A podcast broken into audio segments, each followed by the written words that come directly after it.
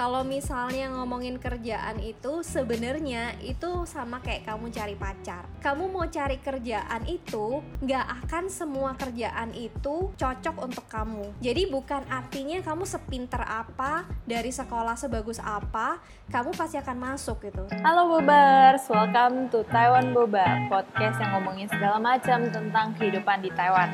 Nah, episode kali ini kembali lagi dengan guest yang spesial seperti biasa. Kita bakal ngebahas dari sisi dunia kreatif. Nah, aku mau introduce dulu kali ini guest.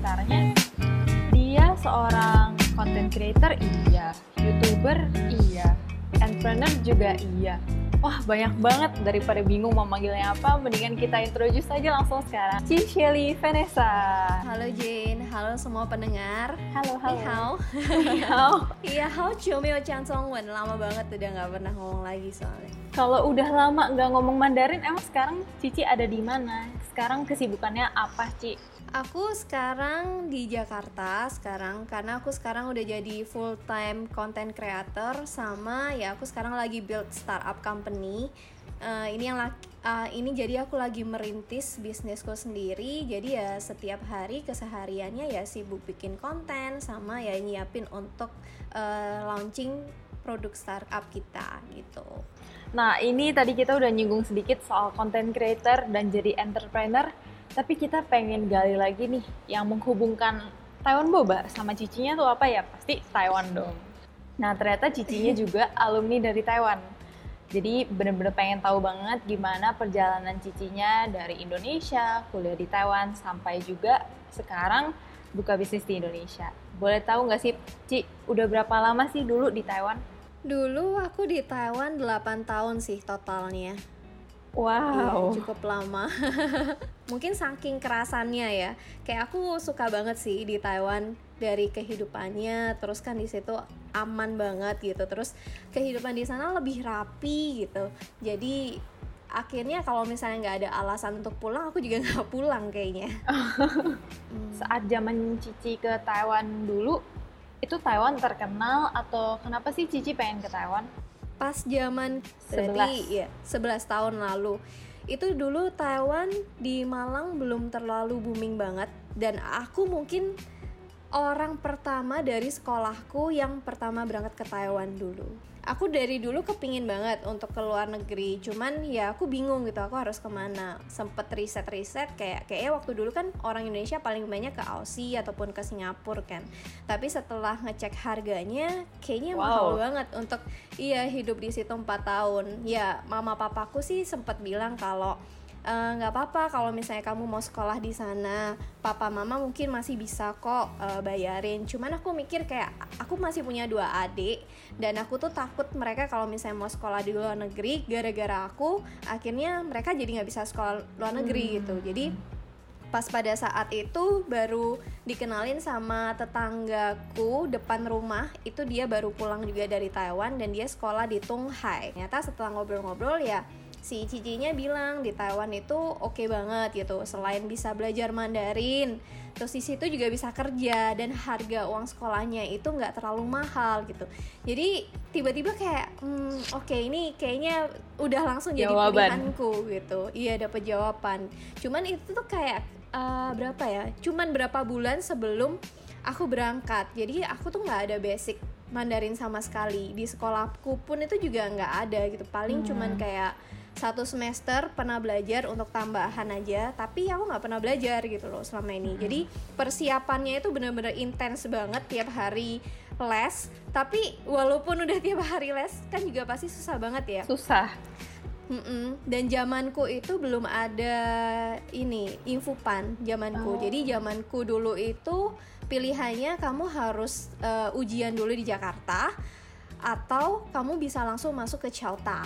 Nah pas Hmm. itu aku mikirnya kayak hmm, kalaupun aku dapat uni, aku bakal stres banget sih karena aku bener-bener nggak ada basic sama sekali. Mm-mm. Jadi aku aku memutuskan aku nggak ujian, aku langsung ke Chauta. gitu. Oh.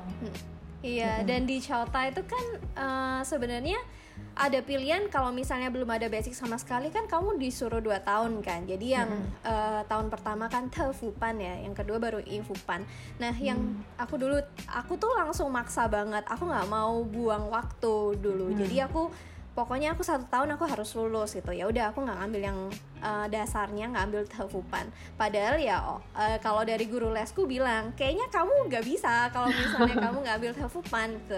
Kamu nggak ada basic sama sekali gitu. Tapi aku maksa banget jadi itu cukup bergumbul banget sih aku dulu pas mau ke Taiwan karena aku tipe yang eh, nggak mau buang waktu nggak mau waste time Hmm. gitu jadi selama ini di hidupku kayak sangat hustle banget untuk ngerja ngerjain apa untuk kejar impianku karena aku tuh selalu pingin eh, ngelakuin yang terbaik dalam waktu yang dekat Tersingkat. gitu loh Hmm. yang singkat gitu. Aku nggak nggak pernah suka untuk remedi aku nggak pernah suka untuk mengulang sesuatu gitu. Jadi dibela-belain selama ini. Jadi pas mau berangkat ke Taiwan dan tahu aku harus nunda satu tahun itu cukup sedih banget dan lama banget mikirnya gitu. Sampai akhirnya eh, ya udah nggak ada pilihan lain. Kalau emang apa harus ngambil satu tahun untuk belajar itu mungkin juga sesuatu yang lebih baik untuk aku nanti persiapan masuk ke universitas Iya sih, tapi sebenarnya kalau emang mungkin orang pikir, wah satu tahun, sayang ya kayak Chauta kan kedengarannya ngulang SMA nggak sih, kata kebanyakan orang. Mm-mm.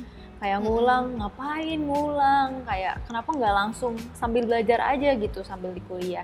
Tapi sebenarnya setelah aku pikir sekarang, aku pas datang ke Taiwan juga sama, Mandarin aku kayak masih belum terlalu bisa, dan itu kuliah susah banget. Sampai tahun keempat sekarang aku baru berasa, coba dulu Mandarin aku levelnya segini, pasti kayak bisa lebih ngerti gitu. Cuman eh, waktu di eh, Infupan di Chauta satu tahun itu bener-bener sangat berat banget sih. Jadi berat banget karena udah nggak ada basic sama sekali. Tapi itu kayak kamu udah dianggap level SMA kan. Dan saingannya kan adalah orang-orang dari Hong Kong, lainnya. dari Singapura. Iya iya itu jadi kayak berat banget gitu. Jadi suatu kali pas aku mau ujian itu kayak aduh gimana ya, aduh gimana ya aku nggak ngerti sama sekali. Kayak setiap ujian aku kan selalu tanya ke mereka. Eh, aku sampai sekarang masih inget banget dia ngomong ke aku dia diem terus dia ngeliat ke aku dia bilang balik kampung dia gitu wah pas, pas pas dia bilang kayak gitu aku shock banget Apa sih rasanya Kayak, sih? wah itu kayak sedih shock dan kaget sih itu eh, campur aduk banget karena sebenarnya alasan salah satu alasan aku kenapa aku ke Taiwan aku dulu di di SMP SMA itu kayak salah satu apa ya bisa dibilang anak yang berprestasi. Aku tuh udah ngerasa kalau pelajaran ini tuh nggak nggak terlalu susah untuk belajar di sekolah. Kayak aku masuk IPA aku Nilai aktif banget di bagus. organisasi tapi nilainya masih bagus gitu. Jarang masuk kelas padahal. Nah, setelah itu kayak aku ngerasa juga aku mulai sombong nih. Nah, aku kalau misalnya nggak belajar sesuatu yang lebih riset lagi, aku dari nol, mungkin aku akan kayak gini-gini aja di Indo gitu. Hmm. Makanya aku cari satu negara yang benar-benar bisa men-challenge aku. Dan setelah dia bilang kayak gitu, oke, aku kayak ngerasa, oke, aku buat sia- bukan siapa-siapa lagi di sini. Kalau aku nggak berjuang lebih keras lagi daripada orang-orang lain, ya aku nggak akan bisa survive itu. Jadi dalam setelah dia ngomong gitu, tiba-tiba tuh kayak ada keinginan di dalam hati tuh kayak pokoknya aku nggak boleh pulang sebelum Mandarinku bagus gitu. Hmm. Ini aku bisa relate banget sih. Gak tau kenapa ya kalau di Indo kadang kita merasa wah kita bisa lah, kita standarnya udah segini lah. Tapi pas Mm-mm. nyampe di Taiwan karena ada perbedaan bahasa itu yang mungkin kita nggak ngerti ya. Wah jatuh abis sih. Betul. Rasanya kita bukan siapa-siapa, berasa jadi, "Hah? Wah kita kayak paling bego nih di sini gitu. Betul betul betul. Mm-mm. Tapi kalau misalnya nggak ada kejadian itu, mungkin aku akan tetap masih sombong, tetap ya aku nggak akan belajar lagi gitu. Aku nggak berusaha merendah hati juga, dan aku nggak belajar sesuatu dari situ aku nggak berkembang. Jadi mungkin ya Tuhan eh, suruh aku ke Sengaja. Taiwan salah satunya alasannya iya. Untuk karena itu. dibentuk ya. Betul. untuk dibentuk. Wah, mantap, Betul. mantap. Terus dari Cici paksa diri untuk belajar, Cici kalau gitu tuh keganggu nggak sih kayak eh, kepercayaan dirinya? soalnya kalau aku pribadi karena mungkin dulu berasa pinter terus tiba-tiba di sini jatuh aku berasa jadi aku selalu kurang dibandingkan orang Taiwan aku merasa kalau ada mereka yaudah mereka aja kayak mereka lebih pintar daripada aku kalau dulu itu pasti ya jatuh banget karena aku tuh dulu udah sampai di level pas pada saat SMA pas setiap aku jalan itu hampir adik kelasku tuh nyapa aku even aku nggak kenal guru guru tiap kali di ruang guru itu sering ngomongin aku tapi ngomongnya sesuatu yang baik gitu positif oh Shelly berprestasi terkenal. Iya, jadi waktu itu tuh kayak tiba-tiba kamu udah dari atas banget, terus jatuh banget, bener-bener sampai ngomong bahasa aja nggak bisa kan. Nah, di situ tuh kayak level confidence aku drop banget pasti. Makanya kenapa kayak eh, mungkin gara-gara itu juga ya, aku baru sadar terjadi emotional eating gitu loh, stres makan, stres makan, ya. Apalagi di Taiwan waktu itu kan kayak semuanya baru, kepingin cobain semua kan. Nah mungkin itu yang mengawali uh, kenapa aku jadi gendut tiba-tiba waktu di Taiwan dan itu yang membuat aku akhirnya jadi into fitness karena aku belajar gitu gimana caranya untuk nurunin berat badan gitu. Wow, udah ke topik itu aja kita mantap. Oh, Bahas dikit. Iya, jadi sebenarnya semuanya relate gitu ya dari ak- ya sekarang aku mulai bisa lihat benang merahnya dari Cici dulu. Gara-gara ke Taiwan emang jadi bisa Cici jadi content creator ya. Soalnya aku awalnya pikir apakah Cici gara-gara di Taiwan maksudnya ada hubungan gak sih dari konten itu dengan Cici kuliah di Taiwan? Karena kan Cici juga content creator, itu tujuan target audiensnya orang Indo kan, jadi nggak related Mm-mm. sama Taiwan. Dan ternyata ada juga benang merah. Nah mungkin kita bahas lagi, kita kembali lagi ke tadi. Jadi setelah Chauta, akhirnya Cici berhasil dapat uni di mana nih? Dan pilih jurusan apa? Waktu di Chongyun Daxue itu aku dapet jurusan Kochi Maui kan International Business. Nah jadi dalam 4 tahun itu wah aku struggle banget sih. Kayak kayaknya aku dulu tuh 4 tahun itu sampai nggak punya temen. Karena aku tuh tiap hari belajar. Belajar. bukan Heeh, bukan tipe yang jalan-jalan gitu loh karena aku pikir waduh ini waktunya harus pakai belajar setiap hari belajar even nggak ada ujian pun aku harus Belajar. gitu Hmm. Heeh, aku harus nyicil aku harus Oke. cari gimana caranya pas pada saat aku belajar belajar belajar belajar gitu ada satu saat itu di satu semester aku tuh pa- dapat paralel 3 Uh, satu jurusan mengalahkan Iya. orang-orang Taiwan. Mengalahkan orang Taiwan. Jadi aku Wow. aku kaget banget sih waktu itu. Aku nggak nyangka juga. Wah kok bisa ya? Mungkin pas pada saat itu aku dapat pelajarannya pas semua, eh, dapat nilai yang bagus, terus juga ya kebantu sama nilai-nilai yang lain gitu. Kaget banget itu. Itu Wah. kayak satu Perjuangan apa ya? tidak bohong. Satu mm-mm, perjuangan yang kelihatan hasilnya di situ.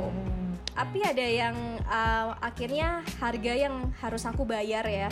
Maksudnya dari waktuku benar-benar aku totalitas untuk belajar. Terus aku nggak terlalu bersosialisasi di situ. Waktu itu aku sih mikirnya karena banyak orang uh, banyak teman-teman yang lagi part time kan. Dan mereka kan kerja untuk hasil duit. Aku pun waktu itu nggak sampai kerja juga. Karena aku aku mikir kayak eh, yang biayain sekolah aku ini papa mama dan yang bisa aku kembalikan itu bukan uang tapi ya yang papa mama mau lihat itu adalah hasil nilaiku bahwa aku benar-benar serius gitu Wah, ini poin yang sangat-sangat bagus sih.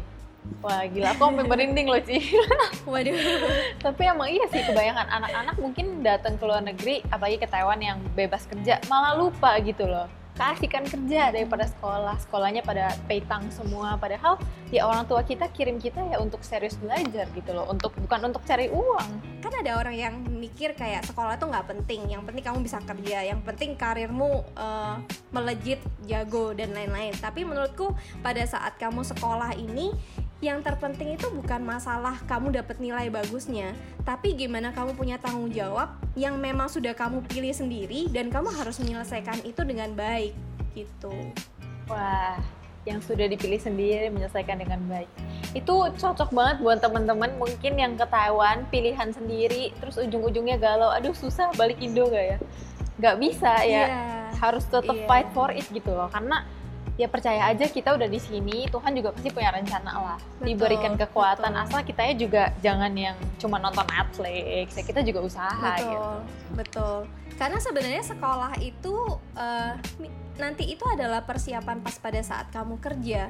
Jadi pas dari SMA itu sebenarnya aku udah dapet eh, se- semacam kayak konsep sekolah itu sebenarnya kayak gimana. Kamu nggak harus belajar dari A sampai Z tapi kalau misalnya kamu dengerin gurunya gurunya akan bilang nih B C D akan keluar. Ya udah kamu belajar B C D aja gitu. Jadi apakah kamu ini beneran dengerin gurunya gitu? Apa yang akan keluar? Nah pas pada saat di kuliah pun sebenarnya aku juga belajarnya dari situ gitu. Yang penting kita bisa bertanggung jawab kan e, menyelesaikan studinya. Tapi kamu juga harus pinter-pinter untuk kayak oh kalau misalnya gurunya killer kamu harus ngapain? Kalau misalnya pelajarannya kayak gini PR-nya harus dibuat kayak gimana karena itu nanti adalah cara gimana kamu uh, punya skill untuk problem solving pas kamu lagi kerja gitu. Pas kamu lagi kerja kamu nggak bisa milih kan kerjaannya susah atau enggak atasan kamu tuh nyebelin atau enggak. Nah tapi kalau misalnya kamu udah belajar nih di sekolah ternyata dengan environment yang sesusah ini dengan masalah yang ada tapi kamu bisa tackle. Kamu benar-benar bisa sampai lulus masih bisa dapat nilai yang bagus pun. Nah itu kamu pasti di kerjaan pun juga pasti bisa membuktikan kalau kamu punya kemampuan untuk problem solving ini. Gitu. Hmm, mantap jadi latihan dulu ya kita di kuliah di sekolah. Betul betul. dengan seluruh environment yang ada bagaimana kita time management bagaimana kita bersosialisasi betul Wah mantap. Jadi teman-teman ya sekolah bukan cuma ya kita cari nilai lah, kita cari hal di luar itu, memaknainya dengan lebih bagus. Oke. Yes. Terus ini S1 ya kira-kira udah selesai. Terus aku lumayan kagum si Cici itu S2 ya ternyata. Gak bosan-bosan sekolah nih kayaknya. Suka banget mengejar akademiknya. Sebenarnya bukan, aku nggak dalam hidupku aku nggak pernah berpikir aku akan S2. Jadi aku aku kan tipe yang kayak pokoknya pengen cepet. Hmm. Kalau misalnya habis sekolah aku pengen kerja. Nah tapi setelah S1 lulus, aku tuh dengar-dengar dari teman-teman yang udah lulus dan kerja juga, lulus dari Univ di Taiwan S1 jurusan IPS itu akan susah dapat kerja karena kita kan yang digunakan skill skillnya itu kebanyakan skill yang problem solving sama ngomong kan Hmm. Nah, di mana bahasa kita Bahasa pasti kita lebih kurang. kalah daripada orang-orang Taiwan sendiri. Jadi kebanyakan mereka itu kerjanya pasti jadi fan Iranian kan untuk TKI, TKW yang datang ke Indonesia. Oke. Dan aku tuh ngeliat sendiri banyak dari kakak kelas aku yang kerja jadi fan Iranian itu mereka itu kayak sampai dari yang orang sabar sampai jadi emosian gitu loh orangnya mereka ceritanya tuh kayak tiba-tiba malam-malam ditelepon sama mbaknya, ditelepon sama kucu juga kan. Ada masalah harus i, terus harus ngomong yang sabar, lama-lama juga kesel gitu untuk ngadepi mbak-mbak gitu. Nah, aku tuh mikir udah satu aku ngerasa dari empat tahun Mandarinku belum jago-jago banget dan yang kedua kalau misalnya aku dapat kerjaan pun ya jangan-jangan aku akan dapatnya seperti itu aku ngerasa diriku tuh kayak belum siap untuk masuk ke dunia karir gitu jadi Hmm. aku pikir ya udah deh aku coba ambil S2 dan puji Tuhan dapet di Centa Hmm. gitu Ya Cengta sih ya bisa dibilang sangat-sangat bagus ya untuk perkuliahan kan itu negeri juga. Jadi pasti. Cici bisa bandingin banget nih yang swasta sama negeri itu gimana. Tapi sebelum itu aku penasaran deh mau nanya sama Cici. Cici pernah kepikir nggak sih setelah lulus tuh mau apa? Mau masuk ke dunia karir profesional atau mau buka bisnis sendiri? Sebenarnya dari itu tuh udah kepikir atau belum? Soalnya kebanyakan mungkin kalau orang yang ambil S2 kan kayak biasanya akademik banget nih. Dia harus kayak dunia profesional banget nih, kerja kantoran misalnya. Apakah Cici seperti itu udah kepikir atau gimana?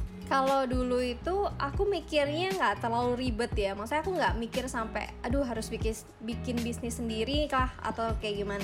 Cuman cuman aku dulu tuh mikirnya aku tuh mau punya pengalaman kerja di Taiwan dengan portofolio yang bagus. Jadi kalau misalnya aku nggak dapet sekolah yang bagus akan susah. Karena di Taiwan kan cukup ngelihat sekolah banget kan Betul. mereka. Sherry-nya, mereka ya. mensortir Mm, mereka mensortir pertama itu dari sekolah.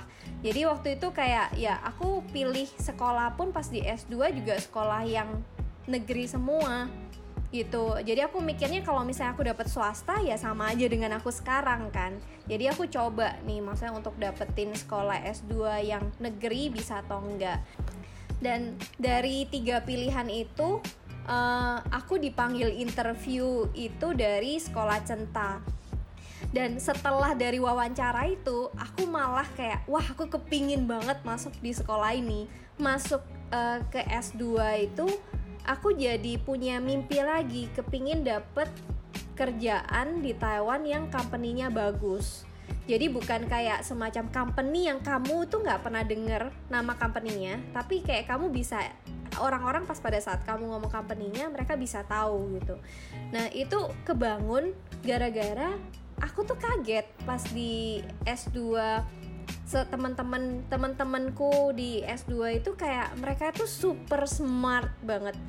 Aku nggak ngomong kayak super smartnya itu kayak jenius tapi mereka punya IQ yang tinggi.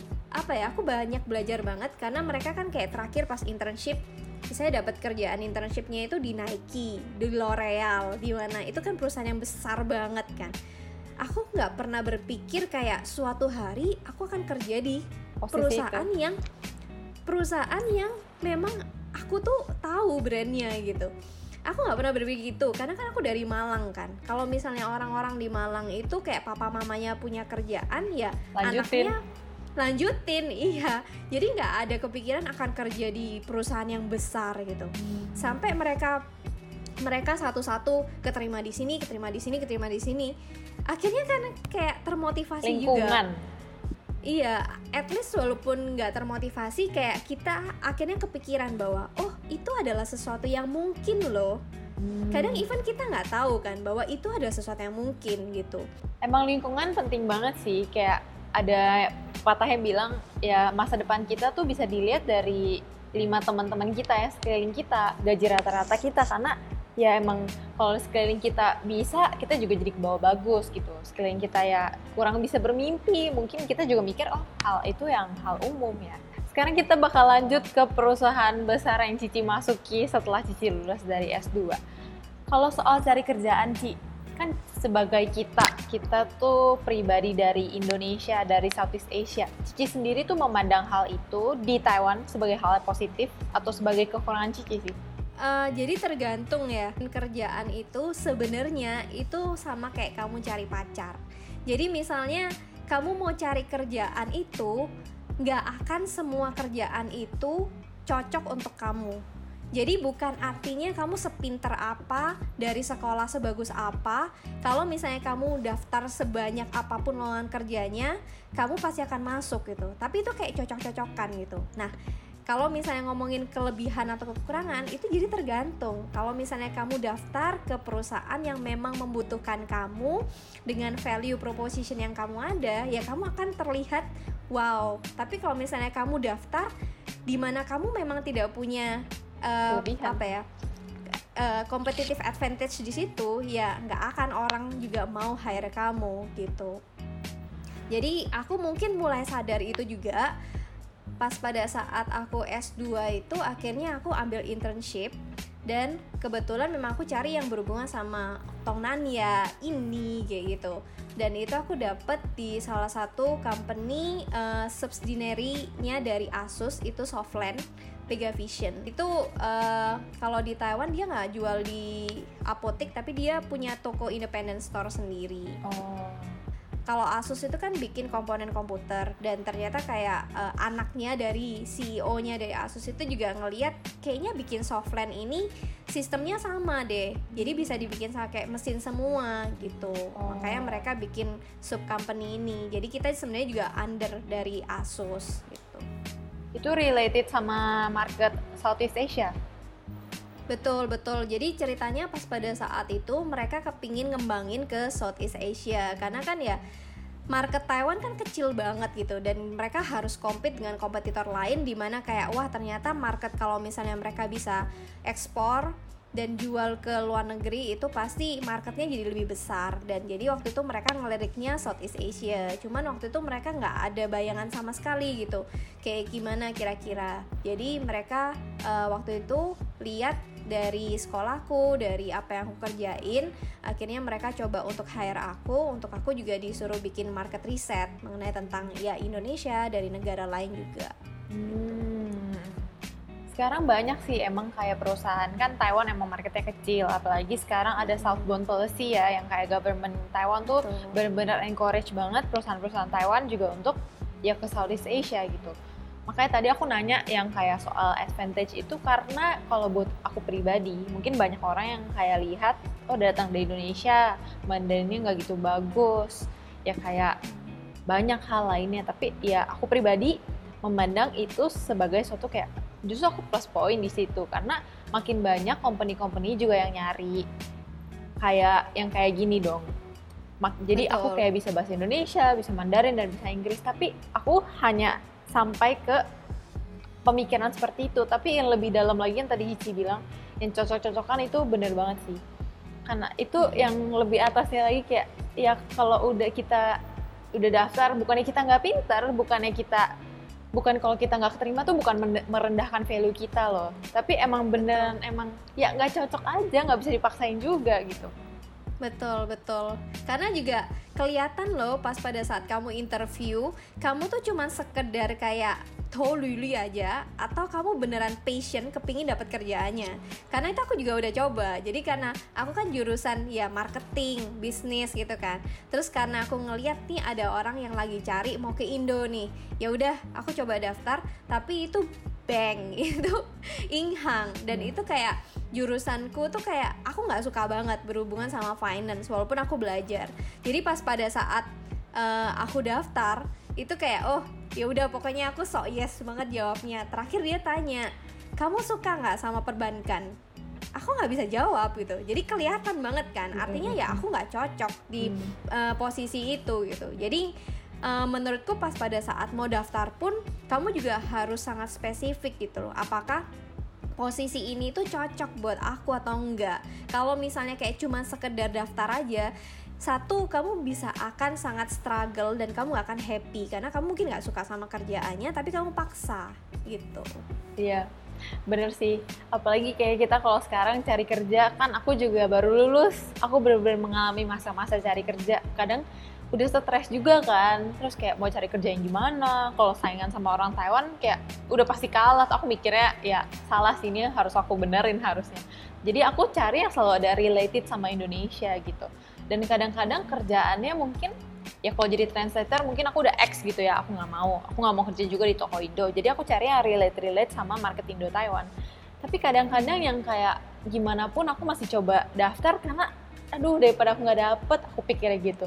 Tapi saat interview Iya. benar-benar kelihatan. Aku maksa untuk kayak itu kelihatan banget sih Tapi nggak apa-apa, itu salah satu pembelajaran untuk kamu interview. Karena semakin banyak kamu interview juga, akhirnya kamu sebenarnya lebih paham mengenai tentang diri sendiri. Kamu bisa akhirnya jawab, oh gara-gara aku ditanya ini ini, mau nggak mau kok harus mikir. Oh ternyata jawabannya kalau dari aku seperti ini. Jadi next interview kamu ada persiapan yang lebih karena kamu punya pengalaman gitu. betul setuju ya interview sebagai les Mandarin gratis sebagai latihan juga Betul. lumayan betul. lumayan nah setelah lulus S2 Cici kerja abis yang intern tadi lanjut jadi full time di Pegasus kah atau gimana Jadi waktu di setelah in, jadi aku tuh intern nggak salah lebih dari enam bulan pokoknya. Kayaknya agak cukup lama. Jadi itu aku juga udah lulus dan waktu itu memang dari atasanku itu bilang kalau aku tuh bakal ada opportunity untuk jadi full time di situ. Nah, tapi karena setelah mereka riset banyak mengenai tentang market di Indonesia, untuk pembuatan PT di Indonesia itu takes time-nya itu bisa sampai 2 tahun untuk proses mereka masukin barang, impor, ekspor dan lain-lain. Jadi karena betul regulasinya itu cukup ribet banget, apalagi kan kalau berhubungan sama softland itu mereka anggapnya sebagai medicine ya jadi kayak pengobatan. Nah itu semakin susah banget untuk masuknya. Jadi waktu itu kayak mereka mikir ya udah dari company Pega Vision ini urus dulu legalnya. Maksudnya mereka nggak kasih aku untuk urus aku kan lebih untuk ngejalanin di situ gitu. Mereka bilang kamu tetap kerja di sini. Cuman kerjanya itu nggak ada sesuatu yang uh, spesifik untuk kamu gitu. Jadi kamu ya udah bantu-bantu aja dianggapnya. Soalnya dia nggak mau ngelepas ya. Betul. Mereka ngomong-ngomong terus itu kayak nanti kalau misalnya kamu sampai ke Indo kamu jadi CEO kamu jadi tiencang gitu. Tapi untuk saat ini kamu belum belum benar-benar belum dibutuhkan skillnya. Jadi ya kita nggak hire kamu tapi kamu dapet bensin sui itu kayak seperti S1 oh. gajinya. Uh -uh. Jadi waktu itu kan aku juga mikir kan kayak oh iya ya nilai plusnya kalau misalnya aku bisa tetap stay di sini walaupun dengan gaji yang yang ya lulusan S1 tapi suatu hari mungkin aku ada opportunity langsung dijadiin di general manager di Indonesia hmm. gitu. Cuman kan itu sesuatu yang nggak pasti kan kayak kita nggak tahu beneran akan ke Indonesia atau enggak gitu. Bener, bener. Ini pun ini pun juga terakhir kayaknya belum belum benar-benar official masuk ke Indonesia gitu. Jadi kan sesuatu yang riskan buat aku. Jadi pas pada saat mereka nawarin kerjaan itu aku juga sambil cari kerjaan hmm. gitu. Dan puji Tuhan dapet yang lebih menjanjikan gitu ya? Kalau ini benar-benar nggak ini sih nggak uh, sengaja banget. Aku juga kayak pas pada saat itu kayak kamu bener-bener kayak ya udah pokoknya aku semua uh, masukin di aku CV aku kelihatan yang butuh orang Indo gitu. Jadi aku udah cukup interview di mana-mana juga dan nggak ada yang cocok. Sampai aku tuh kerjanya dulu itu di ini di dekatnya 101 intern internku dulu ya di Pega Vision. Dia itu di tempat pameran itu loh. Namanya apa ya Oh Taipei Taiwan TIC oh, Taiwan eh Taipei Trade Center ya hmm iya kayaknya ya Uh, aku kerjanya itu di situ kantornya. Nah kalau misalnya ada pameran apa segala macam kan itu pasti di situ kan hmm. di lantai bawah dan itu tuh pas pamerannya itu mengenai tentang budaya Indonesia. Oh. Jadi uh, ada ada brand Indomie, ada brand apa kapal api dan lain-lain kan di situ. Jadi pas kalau misalnya kita siang kosong pun kayak mereka kadang ngebebasin kita kalau misalnya mau jalan-jalan mau turun. Jadi pas itu aku juga turun ke bawah gitu untuk lihat-lihat. Nah pas lagi ngobrol ketemu sama satu Xuejie yang dia itu lagi jagain stand dia nanya ke aku e, sekarang Shelly di mana? Lagi kerja ya? Aku bilang oh enggak sih aku sekarang intern. Cuman aku sekarang lagi cari kerja full time gitu Terus dia bilang, nah barusan ini ada manajer orang Taiwan yang lagi cari orang Indo, katanya mau kirim ke Indonesia, tapi kerjanya di Sukabumi. Aku Sukabumi itu kayak gak pernah dengar gitu. Ah itu di mana gitu. Kamu kalau misal kamu kalau misalnya tertarik nanti barusan aja orangnya pergi jadi kalau misalnya kamu tertarik aku cepet-cepet kontak dia biar dia kamu bisa langsung ketemu ngobrol sama dia waktu itu aku nggak menganggap sebagai serius jadi ya udah kayak oh ya udah Ci nggak apa-apa gitu. Kayak basa-basi kan. Uh, pikirnya aku nggak mau nolak gitu kan. Terus beneran dikontak dan uh, cicinya bilang kamu tunggu di sini bentar dia katanya masih di sini dia bakal ke sini untuk datengin kamu gitu. Ya udah ketemu sama orang Taiwannya ini terus ya ngobrol oh jurusan apa? Kayak ini segala macam segala macam gitu. Kerjaannya ngapain? Dikasih tahu kerjaannya ngapain gitu. Ya udah besok interview ya kayak kaget kan? Hah? besok? Nggak nggak bisa nggak bisa. Aku harus belajar dulu. Aku harus persiapan. Nanti kasih aku waktu ya satu mingguan gitu. Nanti janjian gitu. Ya udah uh, akhirnya minggu depannya aku datang interview. Jadi kerjaannya ini itu sebenarnya kayak aku tuh bukan di perusahaan satu gitu loh. Kalau misalnya aku tuh sebenarnya under Cosmo Group. Nah Cosmo ini sebenarnya milik punya Pautsen Group. Nah tapi sebenarnya kerjaanku itu adalah kayak jadi semacam asisten pribadinya dari si Talaupan gitu loh hmm. Talaupan yang punya Pautsen ini loh hmm. mereka jadi si Talaupan ini punya tanah yang cukup besar di Sukabumi sekitar kayak 3000 hektar dan dia itu ke, punya mimpi yang besar itu untuk bikin tanahnya itu jadi semacam kota kecil Nah, jadi sekarang belum ada pas pada saat itu belum ada orang Indo yang kerja. Nah, dia kan butuh nih kalau misalnya untuk kayak ya berhubungan sama orang di situ, ngurusin legalnya, cari vendor dan lain-lain kan. Jadi waktu itu dia butuh orang yang benar-benar punya skill bisa segalanya lah intinya di situ. Jadi pas pada saat interview ya aku sebenarnya nggak nggak bingung gitu loh sama ini kerjaannya ngapain gitu loh harus ngapain. Terus dia bilang nih kamu tahu pernah main The Sims nggak katanya iya jadi anggap aja kamu punya tanah sebesar ini. Mau kamu apain terus kamu mau kamu apain kalau misalnya kamu mau bikin ada orang yang tinggal di situ kamu harus punya apa? Ya harus ada dong semuanya kayak minimarket ada tempat makan. Ya udah emang kita yang mau kayak gitu. Dan kamu yang harus berhubungan sama vendornya gitu. Terus dia tanya jadi kalau gimana nih kalau misalnya kamu akan uh, buka 7-Eleven lah? Oh mereka tahu Indomaret. Jadi kalau misalnya kamu mau buka Indomaret di Indonesia di Sukabumi apa yang harus kamu lakukan? Interviewnya kayak gitu kan? Nah aku tuh kayak oke okay, ini harus teori banget gitu. Jadi aku bilang aku harus analisis dulu Indoma apa kalau misalnya aku masuk eh misalnya di Sukabumi aku buka Indomaret akan laku atau enggak? Customernya ada atau enggak? Dan lain gitu. Terus uh, dari bosnya tuh bilang bukan bukan seperti itu yang kita mau jawaban kamu. Kenapa nggak langsung cari perusahaan Indomaret company-nya kamu telepon oh, kamu tanya bisa franchise nggak? Oh oh jadi gitu kerjanya iya katanya oke okay, gitu. dia kan mikir lagi kan. Dia bilang ya udah pokoknya kamu tuh mikirin kalau kamu punya kota kamu dibayarin kamu mau bikin dia rame kamu harus masukin apa gitu. Jadi pas pada saat itu aku ngerasa wah kerjanya seru banget ya. Kayak aku akan belajar banyak banget gitu dari situ. Cuman waktu itu concernku tuh bener-bener kayak itu suka bumi. Jadi aku google suka bumi itu di mana? gitu. Ternyata desa gitu. Jadi kayak oke okay, ini pekerjaan pertama terus memang kerjaannya kayaknya it's a good deal aku bisa belajar banyak. Tapi di Sukabumi di desa gini gimana ya gitu. Pas pada saat mereka tanya kayak gaji yang kamu mau berapa? Aku tuh bener-bener kayak nyablak banget gitu aku asal ngomong.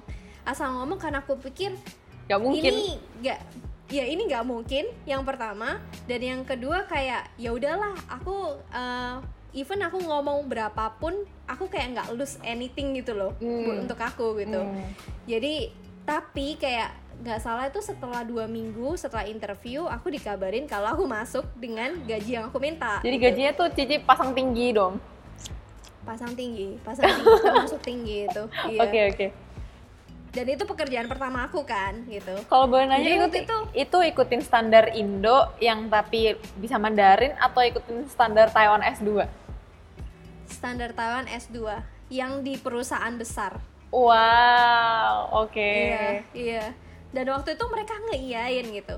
Dan dan ternyata setelah kayak aku masuk pun mereka itu sebenarnya gini mereka itu tanya kenapa eh mereka tanya kan kamu mau gaji berapa? Jadi dari awal tuh mereka nggak set gajinya itu harus berapa dia nggak kasih tahu dia pingin aku yang jawab karena biasanya kalau misalnya kamu nggak pede dengan skill kamu kamu misalnya jawab nih aku mau berapa nih 30 ribu misalnya Nah, tapi dia akan tanya lagi kedua kali. Kamu yakin dengan gaji segini? Dia tanya ke aku kayak gitu. Kamu yakin dengan gaji segini? Nah, pas aku jawab, aku bilang ini. Aku tuh mikirnya ini kurang tinggi ya. aku salah, aku salah sangka. Sangka, pikirnya dia tanya kayak gini, aku kurang tinggi ya. Tapi aku nggak kepingin kayak ganti, kayak kayaknya kok aku nggak konsisten gitu loh. Jadi aku bilang, e, yang penting tidak lebih dari yang aku ucapkan. Eh bukan. Tidak yang kurang. penting tidak kurang dari yang aku ucapkan. Aku bilang gitu. Jadi waktu itu mereka nganggep kayak wow ini anak si anak kecil ini dia berani dia berani minta gaji segini terus pas pada saat ditanya dua kali dia masih pede aduh Ya jadi guys, episode kali ini kita stop sampai di sini dulu ya, soalnya udah terlalu panjang nih. Nah, tapi jangan takut, kita bakal lanjutin jadi episode 2. Episode kedua bakal nggak kalah serunya, kita bakal ngomongin tentang gaji, bagaimana cara negosiasi buat pindah-pindah karir. Nah, tungguin aja ya episode 2-nya. Episode kali ini sampai segini dulu. Till next time, Bobers. Bye-bye!